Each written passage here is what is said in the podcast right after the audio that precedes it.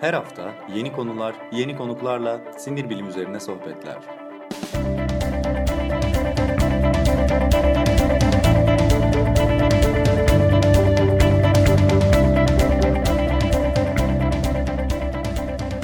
Neuroblog Podcast başlıyor.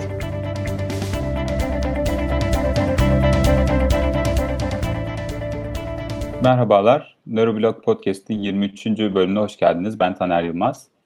Bu akşam bir konuğumuz var. Ee, Koray Başar'la birlikteyiz. Ee, psikiyatri e, camiasından kendisi. Doçent Doktor Koray Başar, Hacettepe Üniversitesi'nde öğretim görevlisi. Hoş geldin Koray. Hoş bulduk. Bu akşam e, biraz daha böyle ağır ve aslında daha güncel bir konuyu ne yazık ki konuşacağız. E, daha gündemin dışında şeylerle de meşgul olmak istiyoruz. Bu gündemden biraz çıkmak da istiyoruz zaman zaman ama e, böyle önemli konuları da gündemimize alalım da istiyoruz. Cinsel şiddet konuşacağız. E, kabaca bir e, böyle bir e, gidişat vereyim. Ondan sonra da yavaş yavaş başlayabiliriz. Kore'yi tan- e, tanıtmayı da birazcık kendisine bırakacağım ayrıca. E, şöyle kaba taslak bir çerçeve oluşturduk. Öncelikle cinsel şiddeti biraz tanımlayalım istedik. Nasıl bir şeydir? E, onu ayıran, diğer şiddet türlerinden ayıran bir tarafı var mıdır, yok mudur? Bunun cinsellik ve cinsellik algısıyla toplumsal, kültürel e, alanda cinselliğin yeriyle nasıl bir bağlantısı vardır, var mıdır, yok mudur? Ve son olarak da en çok e, şey konusunda hani en çok gündeme getiren noktalardan birisi şu oldu e, bu olay aslında. Bu nasıl cezalandırılır? Cezalandırılırken ne yapılır? Hadım, işte idam vesaire bunlar çok gündeme geldi, çok tartışıldı. Buna dair bir şey söyleyebilir miyiz? Ne söyleyebiliriz diye bunları konuşalım istedik. Ee, Koray Başar psikiyatri alanında çalışıyor. Hacettepe Üniversitesi'nde onları söyledim zaten. Ee, kendisi bu alanlarda da cinsellikle ilgili alanlarda e, bunun insan psikolojisiyle ilgili bağlantılı alanlarında da çalışıyor. E, ba- daha başka neler söylemek ister kendi hakkında onunla başlayalım. E, tamam ben biraz kendimi senin tanıtmana ek olarak söyleyebileceğim şeylerden bahsedeyim. Ben psikiyatride öğretim üyesiyim ve psikiyatri öğrenciliğim, tıp öğrenciliğim boyunca çok fazla cinsellikten bahsedilmedi. Fakat ben oldum olası bu alanla ilgiliydim. Daha çok ayrımcılık ve şiddet üzerinden ilgiliydim aslına bakarsan. Ee, daha sonra uzmanlığımdan sonra cinsel terapi eğitimi aldım. Cinsel terapi yapıyorum. Cinsel kimlikle uğraşıyorum daha çok. Yani cinsel yönelim, cinsiyet kimliği, işte cinsiyet ifadesiyle ilgili farklılıklar nedeniyle güçlük yaşayan kişiler klinikte daha çok ilgi alanım. Aynı zamanda araştırmalar da yapıyorum. Araştırmaların daha çok ayrımcılık ve bunun etkileri üzerine oluyor. Dolayısıyla farklı cinsellikler, farklı cinsel yaşantılarla da ilgim var. E, son dönemde de aslında bu cinsel şiddetin gündeme gelmesi ya da kendini dayatması nedeniyle bu konuyla ilgilenmeye başladım diyebilirim. CETAT Yönetim Kurulu üyesiyim. Türkiye Psikiyatri Derneği Yönetim Kurulu üyesiyim. Genel sekreteriyim. Hani bunlar daha derneklerdeki görevlerim gibi duruyor. Başlangıcından beri bu konu adım cezası gündeme geldiğinden itibaren de dernekte bu konuyla ilgili görüş belirleme çalışmalarında aktif oldum. O nedenle son dönemde biraz fazla konuşup yazıyorum diyebilirim bu konuyla ilgili. Bu arada hemen ekleyeyim hani bilmeyenler için Cinsel Eğitim Terapi Araştırma Derneği CETAT bu alandaki önemli e, kaynaklardan birisi Türkiye için. Çünkü önemli görüş bildirgeleri oluşturuyorlar. Türkiye Psikiyatri Derneği ile birlikte bu çok önemli bir yere sahip bence de.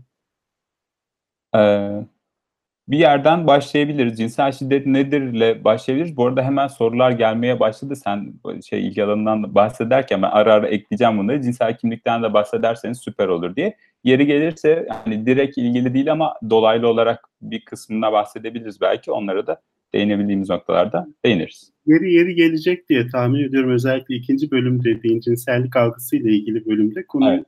oraya mutlaka bağlamak gerekecek diye düşünüyorum. Yani çok çok kitabi tanımlar yapmak istemem ama cinsel şiddet dediğimiz zaman kastettiğimiz şey çok kabaca ve çok geniş tanımlayacak olursam aslında zor, baskı ve güç yoluyla kendi isteği rızası olmayan ya da rıza veremeyecek durumda olan bir kişiyi herhangi bir cinsel etkileşime dahil etmeye. Cinsel şiddet diyebiliriz. Şimdi böyle tanımladığım zaman çok geniş bir şey oluyor. İnsanların cinsel şiddet denildiği zaman akıllarına gelen şey belki bunun en uç boyutu olan işte tecavüz oluyor. Ama aslında tecavüzle sınırlı bir şey değil. Dolayısıyla cinsel şiddet aslında e, hem toplumsal hayatımızın hem günlük hayatımızın birçok yönüyle var olan, kendini gösteren, hani gözümüzü açıp baktığımız zaman farkına varabileceğimiz bir şey. Sadece e, cinsel birliktelikle ilgili olduğu, sadece çok yoğun şiddet kullanılarak, sadece temasla olduğu zannedilmesi büyük bir hata.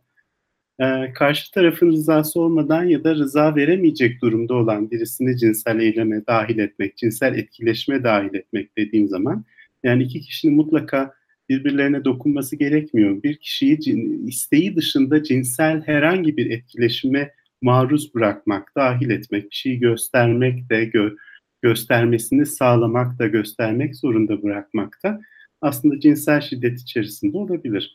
Yani aslında bu tanımla e, şiddetle cinsel şiddet arasındaki ilişkiyi konuşmuş olabiliriz. Aslında şiddet davranışı cinsellikle ilgili bir şey içerdiği zaman biz buna cinsel şiddet diyoruz. Dolayısıyla birbirlerinden çok keskin sınırlarla ayrılan şeyler değiller. Dolayısıyla cinsel şiddeti cinsellikle ilgili, saf cinsellikle ilgili düşünmenin yanlışlığı biraz burada yatıyor. Ben tanım yaparken diyorum ki güç ve baskı, güç ve zorla diyorum. Buradaki gücün eski karşılığı diye iktidarı kullanacak olursak aslında cinsel şiddet dediğimiz şey birinin bir diğeri üzerine güç ve kontrol sergilemesinin, iktidarını göstermesinin cinsel davranışlar, cinsel yakınlaşmalar yoluyla olmasıyla ilgili olan bir şey. Dolayısıyla aslında çok geniş bir tanım yapmak mümkün. Böyle düşünüldüğü zaman cinsel şiddet çok yaygın bir şey ve aslında günlük yaşantımızın da eşlerimizle yaşantımızın da önemli bir parçası. Çok böyle çok yoğun şiddet içeren, çok kanlı sahneler içeren şekilde düşünüldüğü zaman cinsel şiddet sadece toplumun çok küçük bir bölümünü ilgilendiren, daha bireysel bir şeymiş gibi duruyor.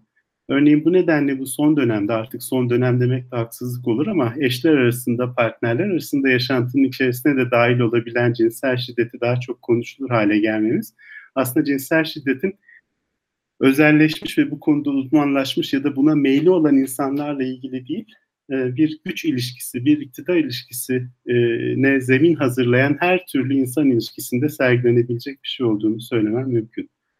Çok mu karışık anlattım bilemedim ama. Yok bence gayet aydınlatıcı oldu. Eğer soru varsa alırız gene şey izleyicilerden de. Ee, bu aslında şeyi getiriyor bir yandan da. Yani bunu dinlerken ben senden daha önce de bu tanımları dinlemiştim sunumlarında. Ee, ve şey bunu dinlerken hep aynı şeyi düşündüm. Yani ne kadar çok kanıksanmış bir tarafı var. Hep bunu hatırlatıyor bana. Yani gerçekten bu kadar geniş olmalı bu tanım. Çünkü şiddet şiddettir bir, şeye zorla mecbur ederek bir maruz bırakmak şiddettir ve bu, bu böyle tanımlanır ama bu kadar geniş tanımlanınca çok büyük bir kısmının ne kadar kanıtsanmış olduğu beni biraz dehşete düşürmüyor değil aslında. Yani sınırını çizmek çok kolay değil. Aslında e, şiddet demeyecek olsak ve bir miktar sertlik diyecek olsak bunun adına aslında cinselliğin içerisinde sertlik de şefkat ne kadar varsa o kadar var olabilen bir şey. Burada önemli olan aslında belirleyici olan şey eylemin sertliğiyle ilgili olan bir şey değil. Karşılıklı rıza olup olmaması ile ilgili olan bir şey. Dolayısıyla taraflardan bir taraf e, diğer tarafın rızası olduğunu varsayıyorsa, buna varsayma hakkını kendinde daha üstün kendini ve kendi tarafını gördüğü için böyle bir ayrıcalığı olduğunu düşünüyorsa ya da karşı tarafın rızasının beklenmemesi gerektiğini düşünüyorsa ki bu iki söylediğim şey de aslında iktidar ilişkisiyle ilgili olan bir şey. O zaman biz buna cinsel şiddet diyoruz. Yoksa iki kişi arasında karşılıklı rızayla bir miktar şiddet de içerir cinsellik. Ee, sevgiyle de olsa, eşler arasında da olsa, yabancılar arasında da olsa. Dolayısıyla hani cinselliği tamamen şiddetten ve sertlikten e, muaf tutmak da e, pek kolay değil ve pek doğru da bir yaklaşım olduğunu düşünmüyorum cinsellik açısından. Ama burada önemli olan iki tarafın da rızasıyla, iki tarafın da bilerek, anlayarak ne olup bittiğinin farkında olarak cinselliği yaşıyor olması, yaşayabiliyor olması ki eksik olan ve cinsel şiddet diye gündeme gelmesini sağlayan şey de bu. Aslında bir şey var yani onam kısmında sorun. Evet yani iki, iki, iki, iki taraftan birinin hani onam vermemesine rağmen cinselliğin parçası olması ya da onam verip vermediğinin diğer taraf tarafından umursanmaması bunu şiddet kılan şey. Ee, bu, bu önemli. Biraz geniş de üstünde durduk ve e, çünkü şöyle bir taraf getiriyor. Bu kanıksanmışlıkla birlikte biraz şeye geçebiliriz aslında bir anlamda. Ee, yani bu cinsel şiddetin nelerle nasıl bir bağ olabilir? Yani nasıl bir etki, nasıl toplumsal bir tarafı vardır ya da var mıdır? Varsa nasıl oluyoru biraz konuşabiliriz. Çünkü bu tanımdan da yola çıkınca gerçekten kanıksanmaya e, giden çok geniş bir kısmı var. Örneğin işte kocasıdır, sever de döver de gibi böyle kabaca bir şeyden de yola çıkacak olursak bu çok karikatürize ama yani gerçekliği de var bunun ne yazık ki. Ee, ya da işte mesela hayır demenin hayır olduğunun e, şey hani hükmünü yitireceği noktalar olacağı. Yani biriyle yakınlaşabilir partnerlerden herhangi birisi ama bir noktada hayır demeye karar verebilir. Ha o noktadan sonra hayır denmezin dendiği bir taraf var yani kültürün içinde gibi. Evet. Bunlar evet. çok sıklıkla. Yani sözle hayır diyordu ama hayır demek istemiyordu gibi bir şey. Evet. Yani buna ilişkin çok korkunç şeyler. Geçen gün bir haber gene işte bir tecavüz haberi ve o da yıllarca hiçbir şey söylemedi ki bu ensestiyöz bir vakaydı. Yani ayrıntılarından çok bahsetmek istemiyorum ama o da yıllarca itiraz etmediği gibi bir şey söyleyebilmesi insanların mesela çok önemli toplumsal boyutları olduğunu düşündürüyor. Yani insan ilişkileri açısından, toplumsal sosyal ilişkiler açısından da önemli bir bağ var. Şiddeti nasıl tanımladığımız gibi cinselliği nasıl tanımladığımız da işin içine giriyor. Bu konuda ne diyebiliriz acaba?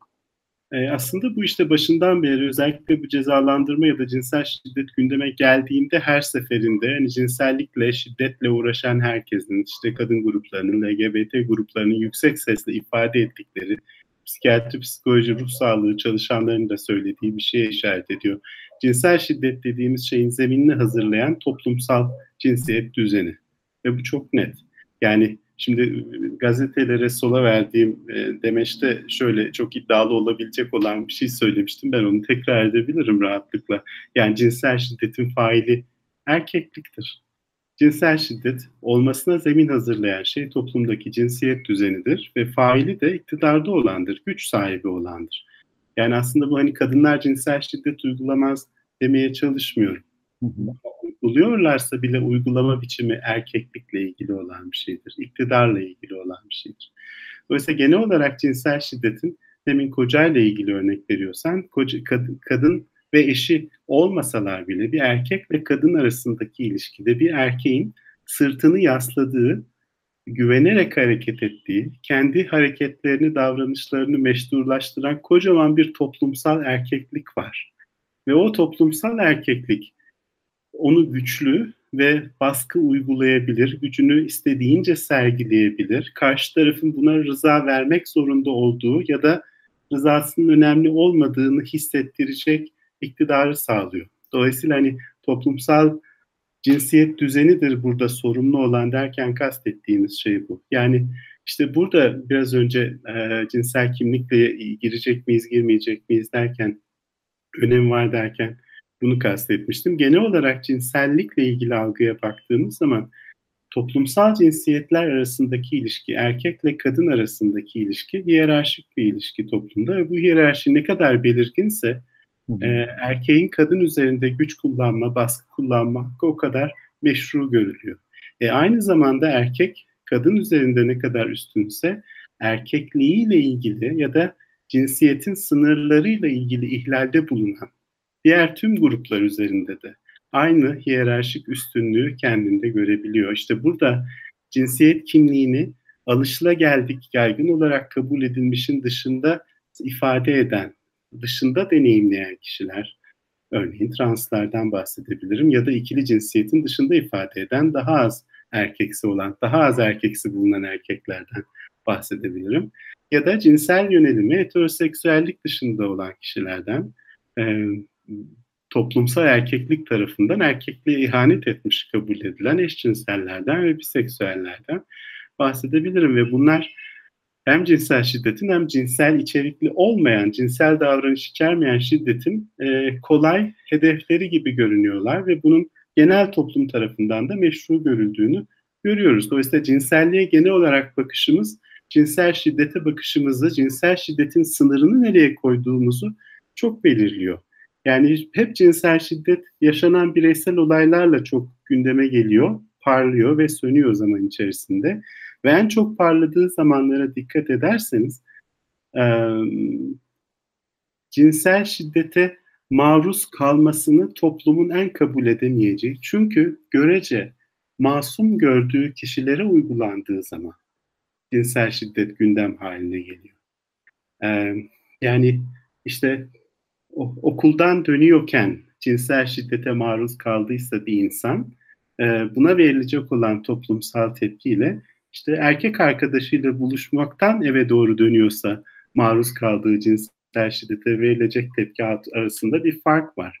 Dolayısıyla şiddetin kendisi de toplumun bu şiddete verdiği tepki de bizim cinsiyete bakışımızla ilişkili olarak değişiyor ve cinsel şiddetle ilgili bir önlem almak gerekiyorsa bunu değiştirmek gerekiyor. Çünkü şiddetin uygulayan kişi bunu bireysel olarak yapmadığı gibi şiddete maruz kalan kişi de ne yaptığıyla, kim olduğuyla ilgili olmaksızın şiddete maruz kalıyor.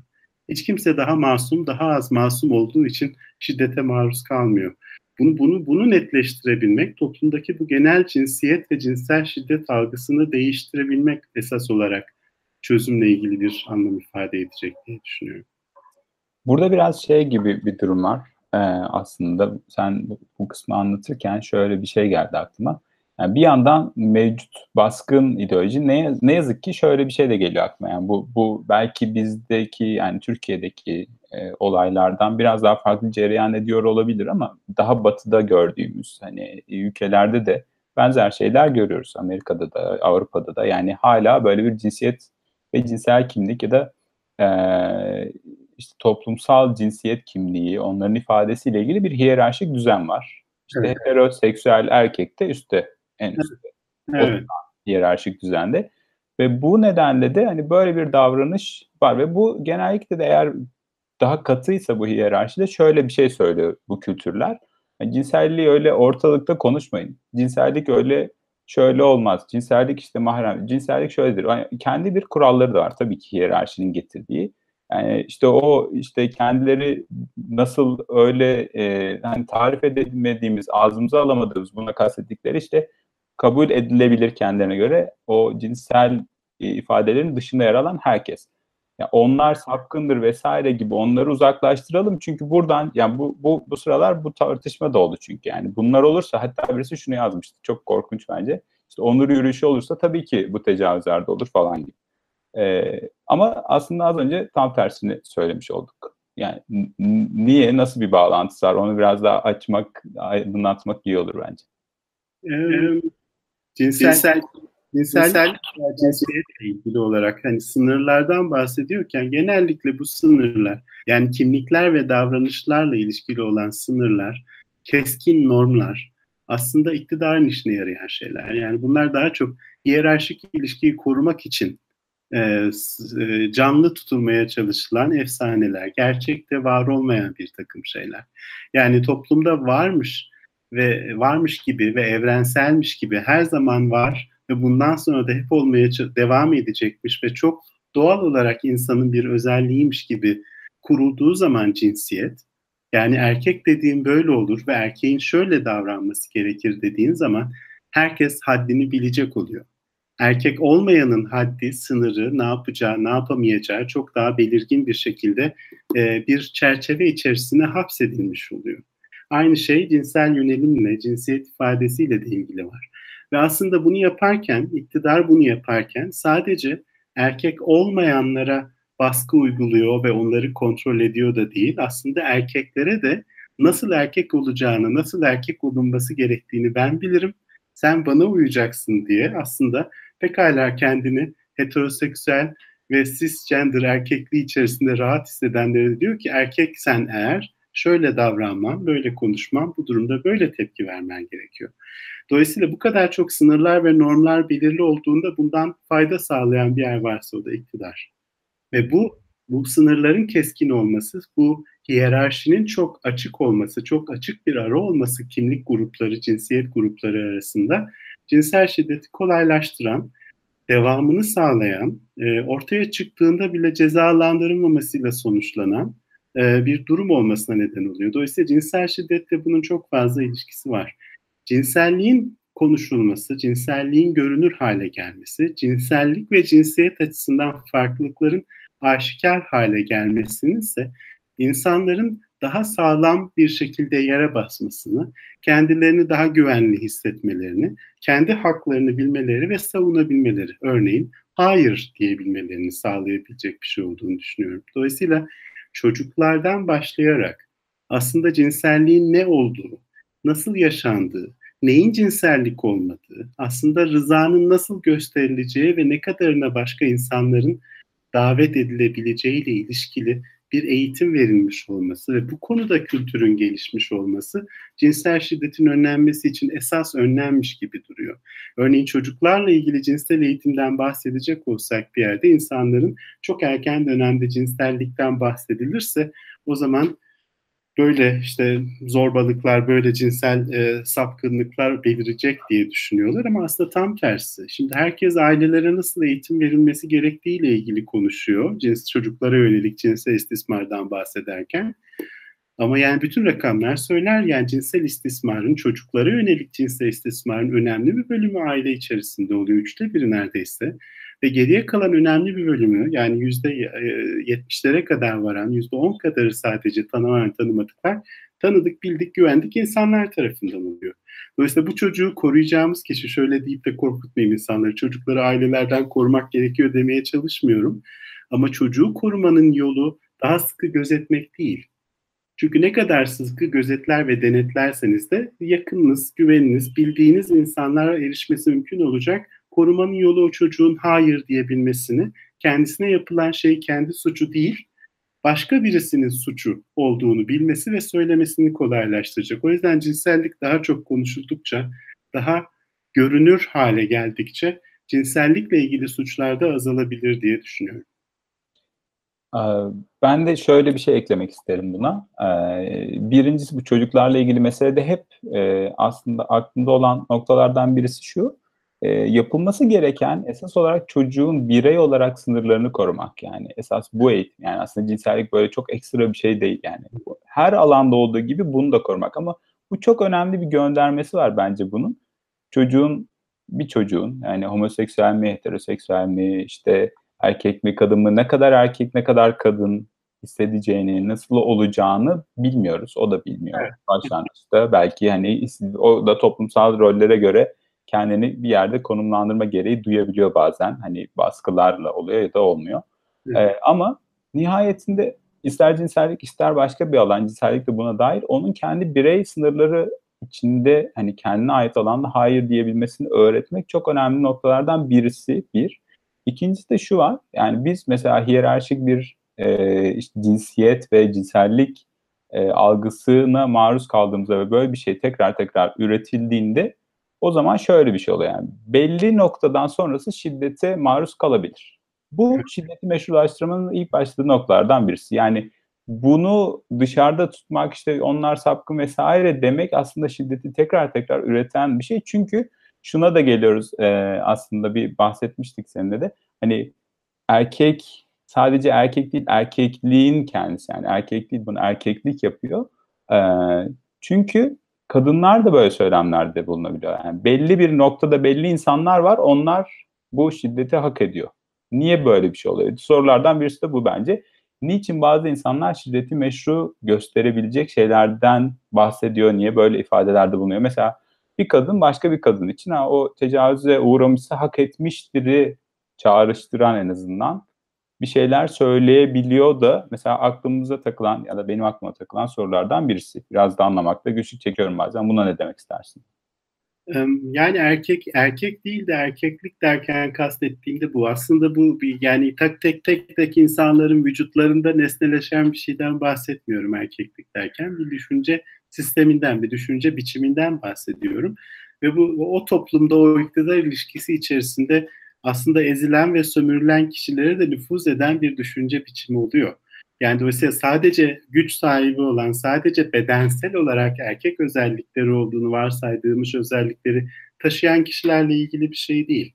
Dolayısıyla aslında kendisi de istismar edilen, aslında kendisi de ezilen, kendisi de hiyerarşinin alt tabakalarında yer aldığının farkında olmasa bile oralarda olan kişiler de bu düşünceyi doğru, evrensel, geçerli kabul edebiliyorlar. İşte o zaman iktidarın belirlediği sınırın içerisinde olmak insanları rahatlatabiliyor. Kendilerini daha güvende hissetmelerini sağlayabiliyor. Ve aslında bu herhangi bir şiddetin meşru olduğu bir sınır çizmeye başladığınız anda şiddete maruz kalmaya açıksınızdır. Yani şöyle söyleyeyim, ben açıkça örneğini vereyim. Son dönemde gene e, bu çocuklara yönelik cinsel şiddet gündeme geldiğinde hani sosyal medyada birçok videolar ve fotoğraflar dolaşıyor. Şöyle şeylerden bahsediyor insanlar. İşte daha etek giyememişti, daha makyaj yapamamıştı, işte daha sokakta dolaşmamıştı, içki içmemişti. Ama böyle bir şey söylediğinizde bunları yapan bütün kadınlara uygulanan cinsel şiddeti siz meşrulaştırmış oluyorsunuz aslında farkına varmayarak, belki de vararak korkarım. Ama işte yani mesela bunu kadınlar da yapabiliyorlar. Bunu bunun çünkü kadınlık ve erkeklikle ilgisi yok. Bu egemen ideolojiye ne kadar benimsemiş olduğunuzla ilgisi var ve çok tehlikeli diye düşünüyorum. Yani şiddete kategorik olarak karşı çıkmak gerekiyor. Şuna yapıldığında daha az, buna yapıldığında daha çok e, ağır bir suçmuş gibi düşünmek e, gerçekçi değil. Çünkü o sınır iktidar tarafından hızla sizin de içinde olacağınız şekilde değiştirilebiliyor. Evet yani bir yerde meşruysa niye sana uygulandığı noktada birey olarak niye meşrulaştırın? Biri onu meşrulaştırabilecektir. Bu çok kolay oluyor gerçekten. Bir anlamda şey kısmında gerçekten hissediyorum. Sanki ne yazık ki bu çok acı bir şey ama insanlarda şöyle bir güvenlik arayışı ve davranışı da oluyor. Yani işte o saatte dışarı çıkmazsam, işte şöyle olmazsa, içki içmezsem buna maruz kalmam hissi ne kadar var bunun içinde bilmiyorum ama muhtemelen bunun bile bir etkisi var.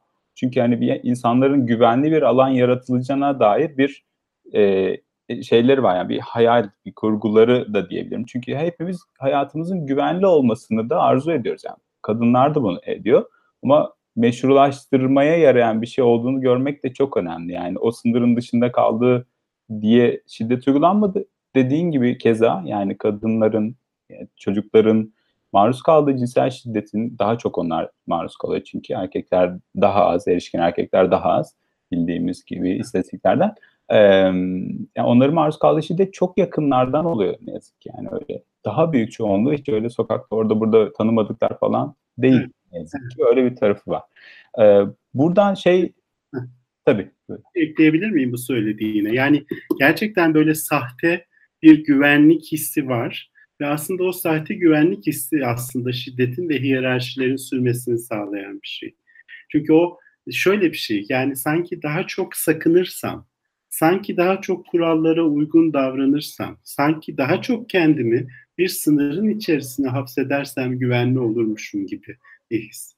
Bu aynı şekilde demin cinsellikle ilgili konuştuğumuz gibi. Bu biraz daha karanlık, biraz daha kişiye özel, biraz daha konuşulmaz olduğunda daha güvenli olur mu? Olmaz. Karanlık güvenilir bir yer haline getirmiyor hayatı. Bir yere saklandığınızda, gizlendiğinizde şiddete maruz kalma ihtimaliniz daha az olmuyor. Bunu dillendirme ihtimaliniz daha az oluyor. Direnecek gücünüz daha az oluyor. Dolayısıyla üstünü kapatarak veya kendimizi güvenli alanlara çekerek şiddetin üstesinden gelmek bireysel de toplumsal da mümkün değil. Buradaki bu kurgusal taraftan hani güvenlik algısı, hayali diyeceğim. Evet. Bu, bu kısımdan aslında şeye de biraz bağlayabiliriz. Hani bir de bunun hani cezaları çok tartışıldı. Onu söylemiştik ki en son oraya da değinelim diye. Ee, çünkü son günlerde gördüğüm şeylerden birisi de şu. Ne yazık ki şahit olduğumuz bu çocukların işte tecavüze uğramaları, öldürülmeleri gibi çok gerçekten korkunç ve insanı çok derinden etkileyen olayların üzerine hemen bu bir iki günde benim Twitter'da şahit olduğum bir şey var. Gene detaylarından bahsetmek istemiyorum fakat işte birisi e, erişkin yaşta olmayan bir çocuğun evlendirildiğini görüp orada işte bir şiddet uyguluyor. Yani e, evlenme, e, işte düğün sırasında falan filan gibi şeyler. E, bu, bu kısmını tartışmayacağım. Bence bu tar yani bunu tartışmanın verimli bir şey olduğunu da düşünmediğim için onu dışarıda bırakalım. Fakat şöyle bir şey var. Tepkiler daha çok dikkatimi çekti. Twitter'da yani oruna tepki veren insanlarda böyle yoğun bir katarsis hali var. Bunu ben şuna çok benzettim. Yani idam, hadı mesela şey soran çok az. Peki ne oldu yani? Nihayetinde ne oldu? Evlendiler mi? Evlenmediler mi? Siz bunu engellediniz mi? Ne oldu yani? Falan yok. İyi yapmışsın, çok güzel, eline sağlık falan. Yanlış yaptı, doğru yaptığı da tartışmıyoruz. Onu da gene kenarda bırakalım. Komik polemiklere girmekten de korur bu bizi diye umut ediyorum. Ee, yalnız şöyle bir şey olduğunu düşünüyorum. Bu sahte e, güvenlik algısı gibi sahte bir tepki verme hali de yaratıyor. Ne yazık ki. Sahadım, idam bilmem ne falan biraz bunları da çağrıştırıyor bana. Ee, sen neler söylemek istersin? Yani bunlar tartışılırken hani bunlar ne kadar anlamlı? Yani bu ceza böyle konumlandırılırsa ne olur? Ne işe yarar? Yarar mı? Yaramaz mı? Bu da büyük sorulardan birisi. E, bu, bu çok önemli. Özellikle böyle konulardan, özellikle çocuklardan bahsederken bunun gündeme gelmesi, bu kadar hararetle savunulması çok anlaşılır. E, yani hakikaten çünkü çocuklar bizim canlıların, memelilerin duyarsız kalamadıkları varlıklar. Yani kendi yavrumuzun da başka yavruların da acı çekmesine tahammül etmek mümkün değil. O yüzden hani şimdi hadım cezası işe yaramadığından ya da idamın işe yaramadığından bahsettiğimde ya da bunun buna karşı olduğundan, etkisiz olduğundan bahsettiğimde herkes peki senin çocuğunda böyle bir şey olsa, peki sen böyle bir şeye karşı karşıya gelsen. Yani herkes böyle çok e, fazla empatik bir şekilde yaklaşıyor. Bunda bir yanlışlık yok. Buna duyarlı olmakta bir yanlışlık yok. Ama buna duyarlılığı böyle kestirme ve çok işe yaramayacak ve aslında yanlış sonuçları olabilecek cezalarda aramak gerçekçi değil. Ve yani gerçekten samimi bir şekilde çözümle ilgili bir şey istiyorsak burada cezayı arttırmanın bir etkisi olmadığı defalarca gösterilmiş olan bir şey. Ama ceza uygulamaktan kastedilen şey, cezadan kastedilen şey intikam almaksa, cezadan kastedilen şey bunu yapan kişiye acı çektirmekse e, bu bu anlamda işe yarayabilir diye düşünüyorum. Ben buna da çok katılmıyorum açıkçası. Yani çünkü bu acıyı çekmiş olan, bu acıyı duymuş olan bir insanın gerçekten acısını rahatlatacak olan şey bu failin çok daha şiddetli cezalandırılması değil. Yani adalet ne zaman yerini bulur ayrı bir tartışma olabilir. Ama suçu işlemiş olan kişiye şu yapılırsa gerçekten benim yaram kapanır gibi bir şey söz konusu değil. Dolayısıyla insanların bu kadar hızlı bir şekilde bu kadar duygusal tepki vermeleri anlaşılır bir şey. Ama bunun bu konuyu az çok bilen, bu konularla çalışmış olan insanların söylediklerine kulak verilebilecek uzun erimli planlarla üstesinden gelmek gerekiyor. Anlık refleksif şeyler değil. Hadım denilen şey cinsel isteği ortadan kaldırmak. Aslında hadım değil. Bu da yani topluma ilgi çekici veya çok yüksek etkiliymiş gibi görünsün diye hadım, kastrasyon diye çeşitli şekillerde anılabiliyor. Cinsel isteğin kimyasal yollarla azaltılması. Ama en baştan beri söylüyoruz cinsel şiddet dediğimiz şeyin cinsel istekle ilgisi yok. Yani cinsel şiddet uygulayan kişiler cinsel istekleri daha yoğun olduğu için şiddet uygulamıyorlar. Dolayısıyla cinsel isteklerin azaltılması da tamamen ortadan kaldırılması da e, bu insanların şiddet davranışlarını ortadan kaldıracak olan bir şey değil. Dolayısıyla cinsel şiddetle mücadele ederken isteği ortadan kaldırmak işe yarayacak olan bir şey değil. Yaramadığı da yıllardır yapılan birçok çalışmada gösterilmiş durumda. Yani yurt dışında bunun rutin olarak uygulandığı, farklı şekillerde uygulandığı birçok ülkede yapılan çalışmaların gösterdiği şey bu çok sınırlı bir kitleye yani cinsel suç işlemiş olan çok sınırlı seçilmiş bunun fayda edebileceği varsayılan kitlelere çok yoğun sadece ilaçla ilgili değil Türkiye'de önerilen ilaç tedavileri ilaçla ilgili değil onun dışında bir takım terapötik yaklaşımlarla eklenerek yapıldığında bile uygulandığı sırada sadece etkili olan ve iğneleme üzerindeki etkisi %10'un altında olan yöntemlerden bahsediyoruz. Böyle bir tedavi sanki nihai sonuçmuş, nihai çözülmüş gibi sunuluyor. Çok ilgisi yok. Dolayısıyla seçilmeden uygulandığında anlamı olabilecek olan bir şey de değil. İdam kategorik olarak karşı çıkmamız gereken bir şey. İnsanı çok öfkelendirebilir, duygusal olarak çok tepki duyabilir. Ama idam cezasının sakıncaları ee, yani caydırıcı olmadığını çok net biliyoruz ama sakıncaları hem yargılamayla hem geri dönüşsüz olmasıyla ilişkili olarak başka bir program konusu olabilir ama her ikisi de cinsel suçun, cinsel saldırının, cinsel şiddetin önlenmesiyle ilgili, yenilenme, yinelenmemesiyle ilgili etkili olabilecek olan şeyler değiller. Bunu yıllarca yapılan birçok çalışma, birçok ülkeden deneyim gösteriyor zaten. Dolayısıyla o sıcak tepkiyi daha uzun vadede çözüme ulaşabilecek şeylere yöneltmek daha doğru olacak diye umuyorum. Ama korkarım yöneticilerin böyle bir tavrı. Ee, evet, teşekkürler verdiğim bilgi ve aydınlatma için. Ee, Twitter'da olan da böyle bir şeydi. O yani o duygusal tepkinin yükselişi. Fakat bu biliyoruz ki yani ne yazık ki şey getirmiyor yani. Hepimiz bunları hissediyoruz.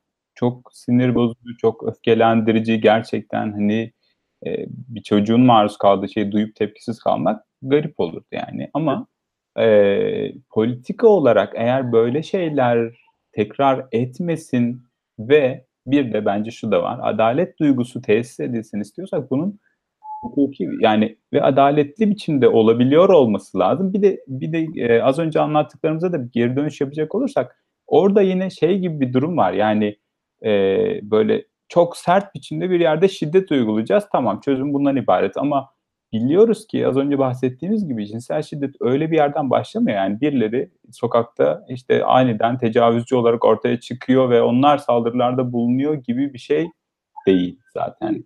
Değil. O yüzden de hani aslında cezanın etkinliğini burada şey göz önüne almak lazım. Çok teknik bir şey aslında gerçekten çok hukuki olarak da teknik bir şey. Bunun hukuk detaylarına ben hakim değilim tabii ki ama hani eğer bu konuda bir çözüm önerisine giden bir şey varsa ondan çok uzağa düşen bir atış. Ama duygulara hitap etmek istiyorsanız çok tam 12'den yani gerçekten. Yani o an o andaki linç hissini çok besleyen bir şey çünkü bunlar ve yani bu gerçekten çözüme yönelik olan bir şey değil. Yani şimdi böyle söylendiği zaman da medeniyetiniz sizin olsun gibi bir takım laflarla karşılanmak mümkün ama bir insan Böyle kestirme ve gerçekte çözüm olmayacak şeylere yöneldiğinde aslında cinsel şiddeti görmezden geliyor. Yani cinsel şiddetle mücadeleyi sadece çok e, aşikar olgularla ve sadece yakaladığımız faillerle sınırlandırdığımız zaman o, o buzdağının altında yatan kocaman kitleyi görmezden geliyoruz. Yani cezayı bu kadar arttırdığınız zaman belki o faili etkisiz hale getirmiyor ama etkisiz hale getirdiğini varsayacaksan da bunun başkalarının maruz kaldığı cinsel şiddet üzerine bir etkisi yok. Hatta cezanın bu kadar arttırılması birçok örgüt bu anlamda uyarılar yaptı ve bence haklı da olabilirler. Cinsel şiddet özellikle çocuğa yönelik olduğunda bildirilmiyor çok önemli oranda bildirilmiyor. Peki aile içerisinde ya da ailenin tanıdığı, bildiği, güvendiği birisinin çocuğa cinsel bir yakınlaşma gösterdiğini öğrendiğinde o aile o yakınlarının idam edilme ihtimaline karşın bunu bildirebilecekler mi? Çocuk bunu biliyorsa bunu bildirmesini kolaylaştırır mı bu ceza? Ben hiç kolaylaştıracağını düşünmüyorum açıkçası. Dolayısıyla ben cezanın ölçüsüz bir şekilde arttırılmasının Aksine bu konuyu daha görünmez hale getireceğini tahmin ediyorum. Dolayısıyla tam tersi etki verecek gibi geliyor bana. Belki işte insanların duygusal rahatlamasına sebep olacak ama karanlıkta bırakılmış olan cinsel şiddetin yaygınlaşmasına devam yaygınlaşmasını sağlayabilir diye düşünüyorum. Yani şuna da baştan konuştuğumuz gibi hani cinselliğin konuşulabilir taraflarını da kapatması açısından da. Çünkü o da böyle bir marjinalize edilen, uzaklaştıran bir noktaya itmekten başka bir şey olmuyor. Çünkü şöyle bir şeydi diyor bu cezanın üzerinde biraz durmak istedim. E, çünkü yani bu böyle sapkın bir şey. Bir, birileri var, bir kötü adam ya da işte bir tecavüzcü var ve biz onu yakaladık ve tamam yani bitti bu iş. Evet. Bu, bu, bu açıdan çok tehlikeli bir şey. Çünkü geriye kalan gerçekten buzdağının o alt suyun altında kalan kısmı asıl büyük mesele.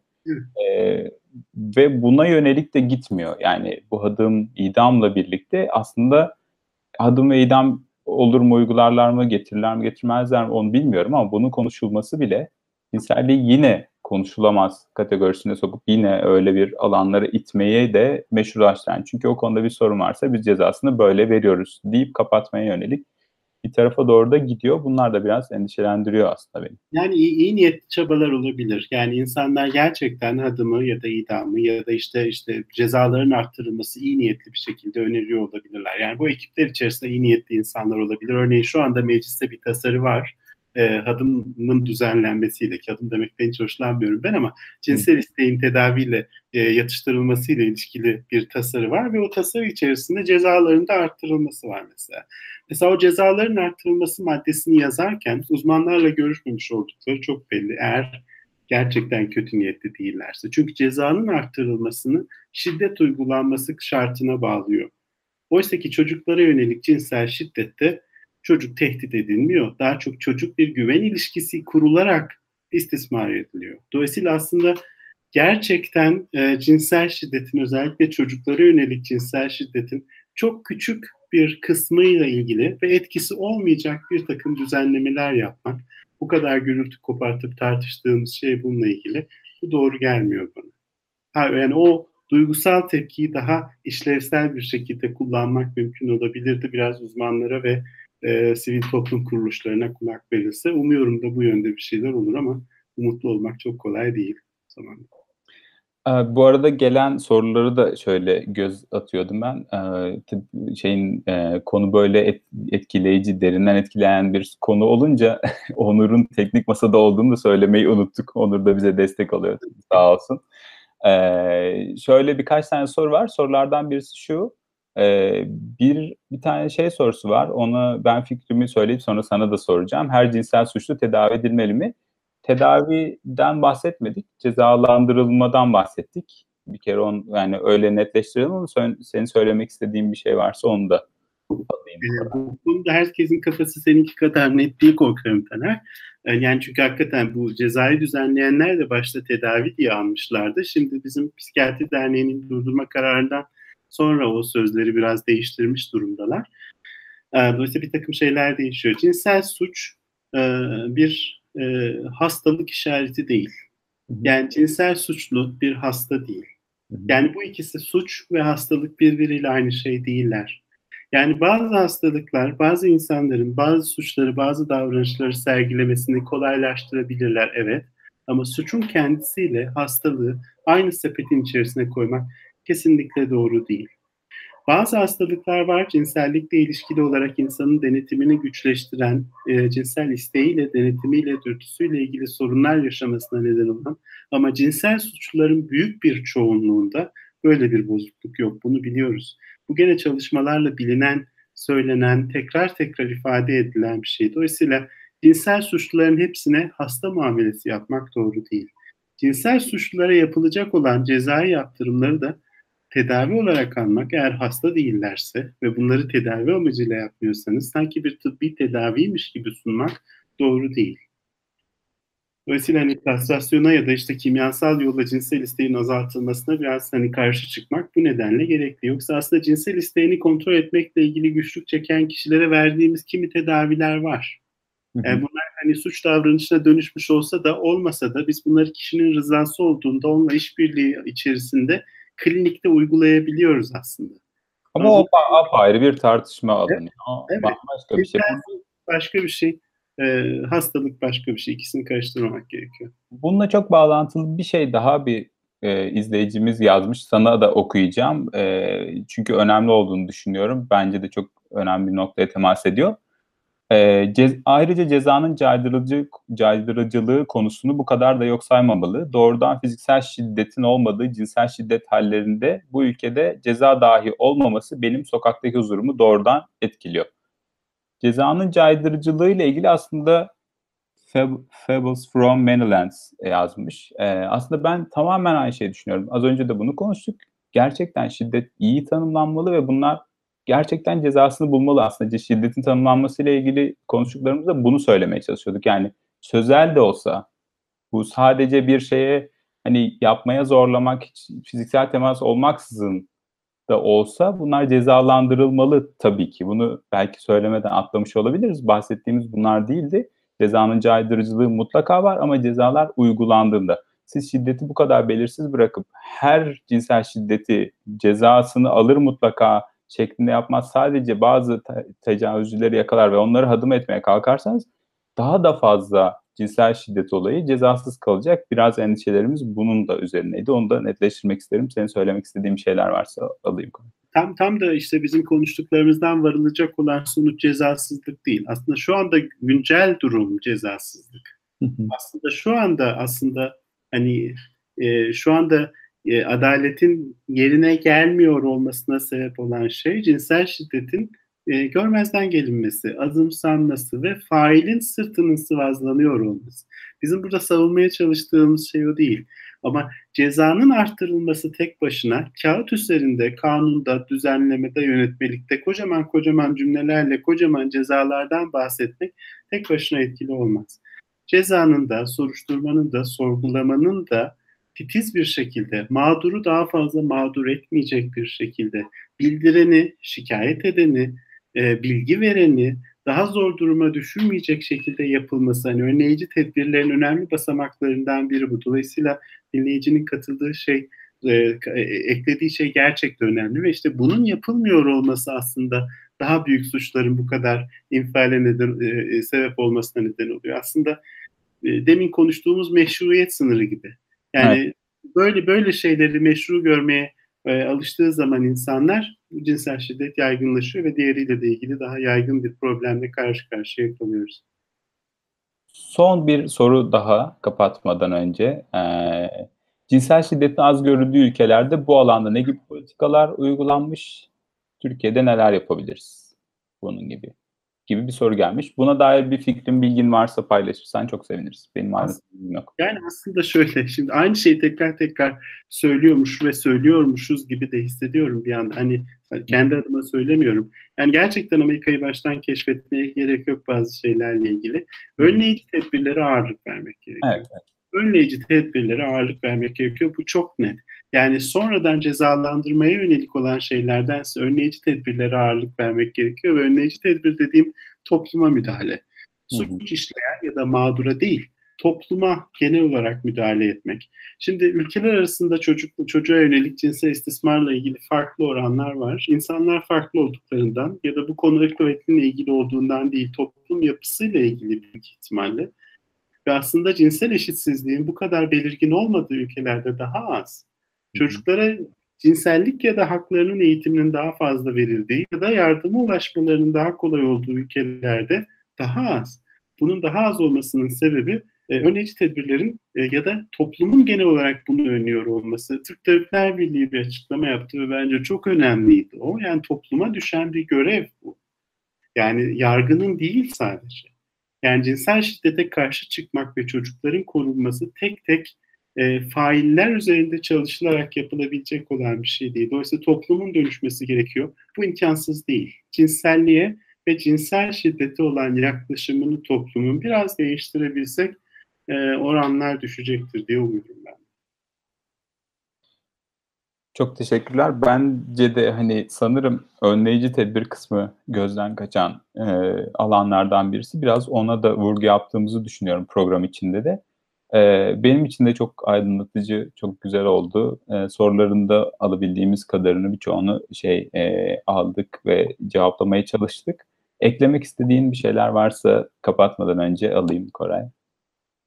Ben belki yani şahsi olarak çok öfkelenen e, dinleyicilerimiz varsa yani şu anlamda yani bu yaşanan olaylara çok tepki duyan ve bununla ilgili bir şey yapılmalı diye düşünen dinleyiciler varsa eğer onlara önereceğim, önereceğim gerçekten bu konuyla ilgili çalışan e, örgütlerin, derneklerin açıklamalarını sakin bir kafayla okumaya çalışmaları. Çünkü herkesin aslında günlük hayatı içerisinde dokunabileceği, değiştirebileceği çok fazla şey var. Yani sadece yasal düzenlemelerle değişecek bir şey değil, hepimizin değiştirebileceği birçok şey var diye düşünüyorum. Bu enerjiyi o yönde e, sevk etmek gerekiyor.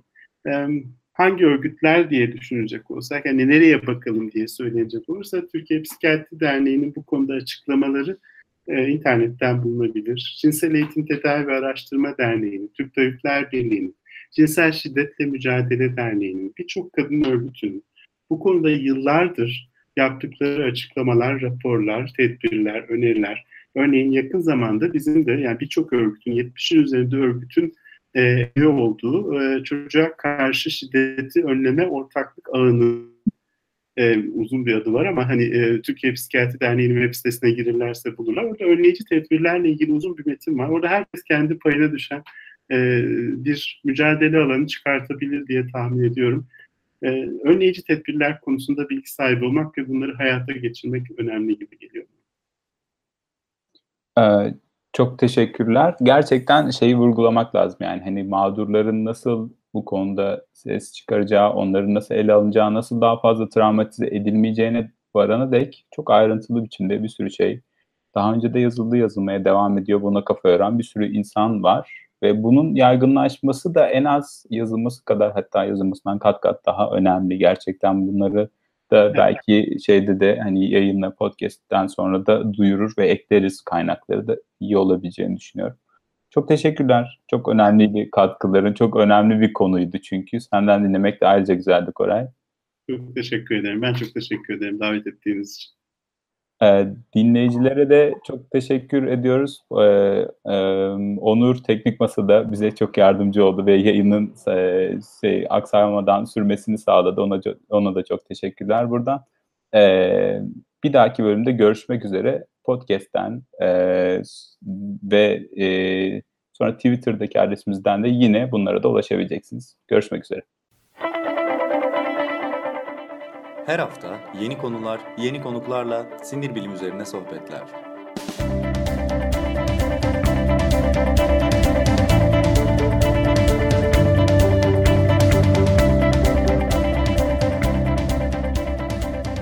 Nöroblog Podcast sona erdi.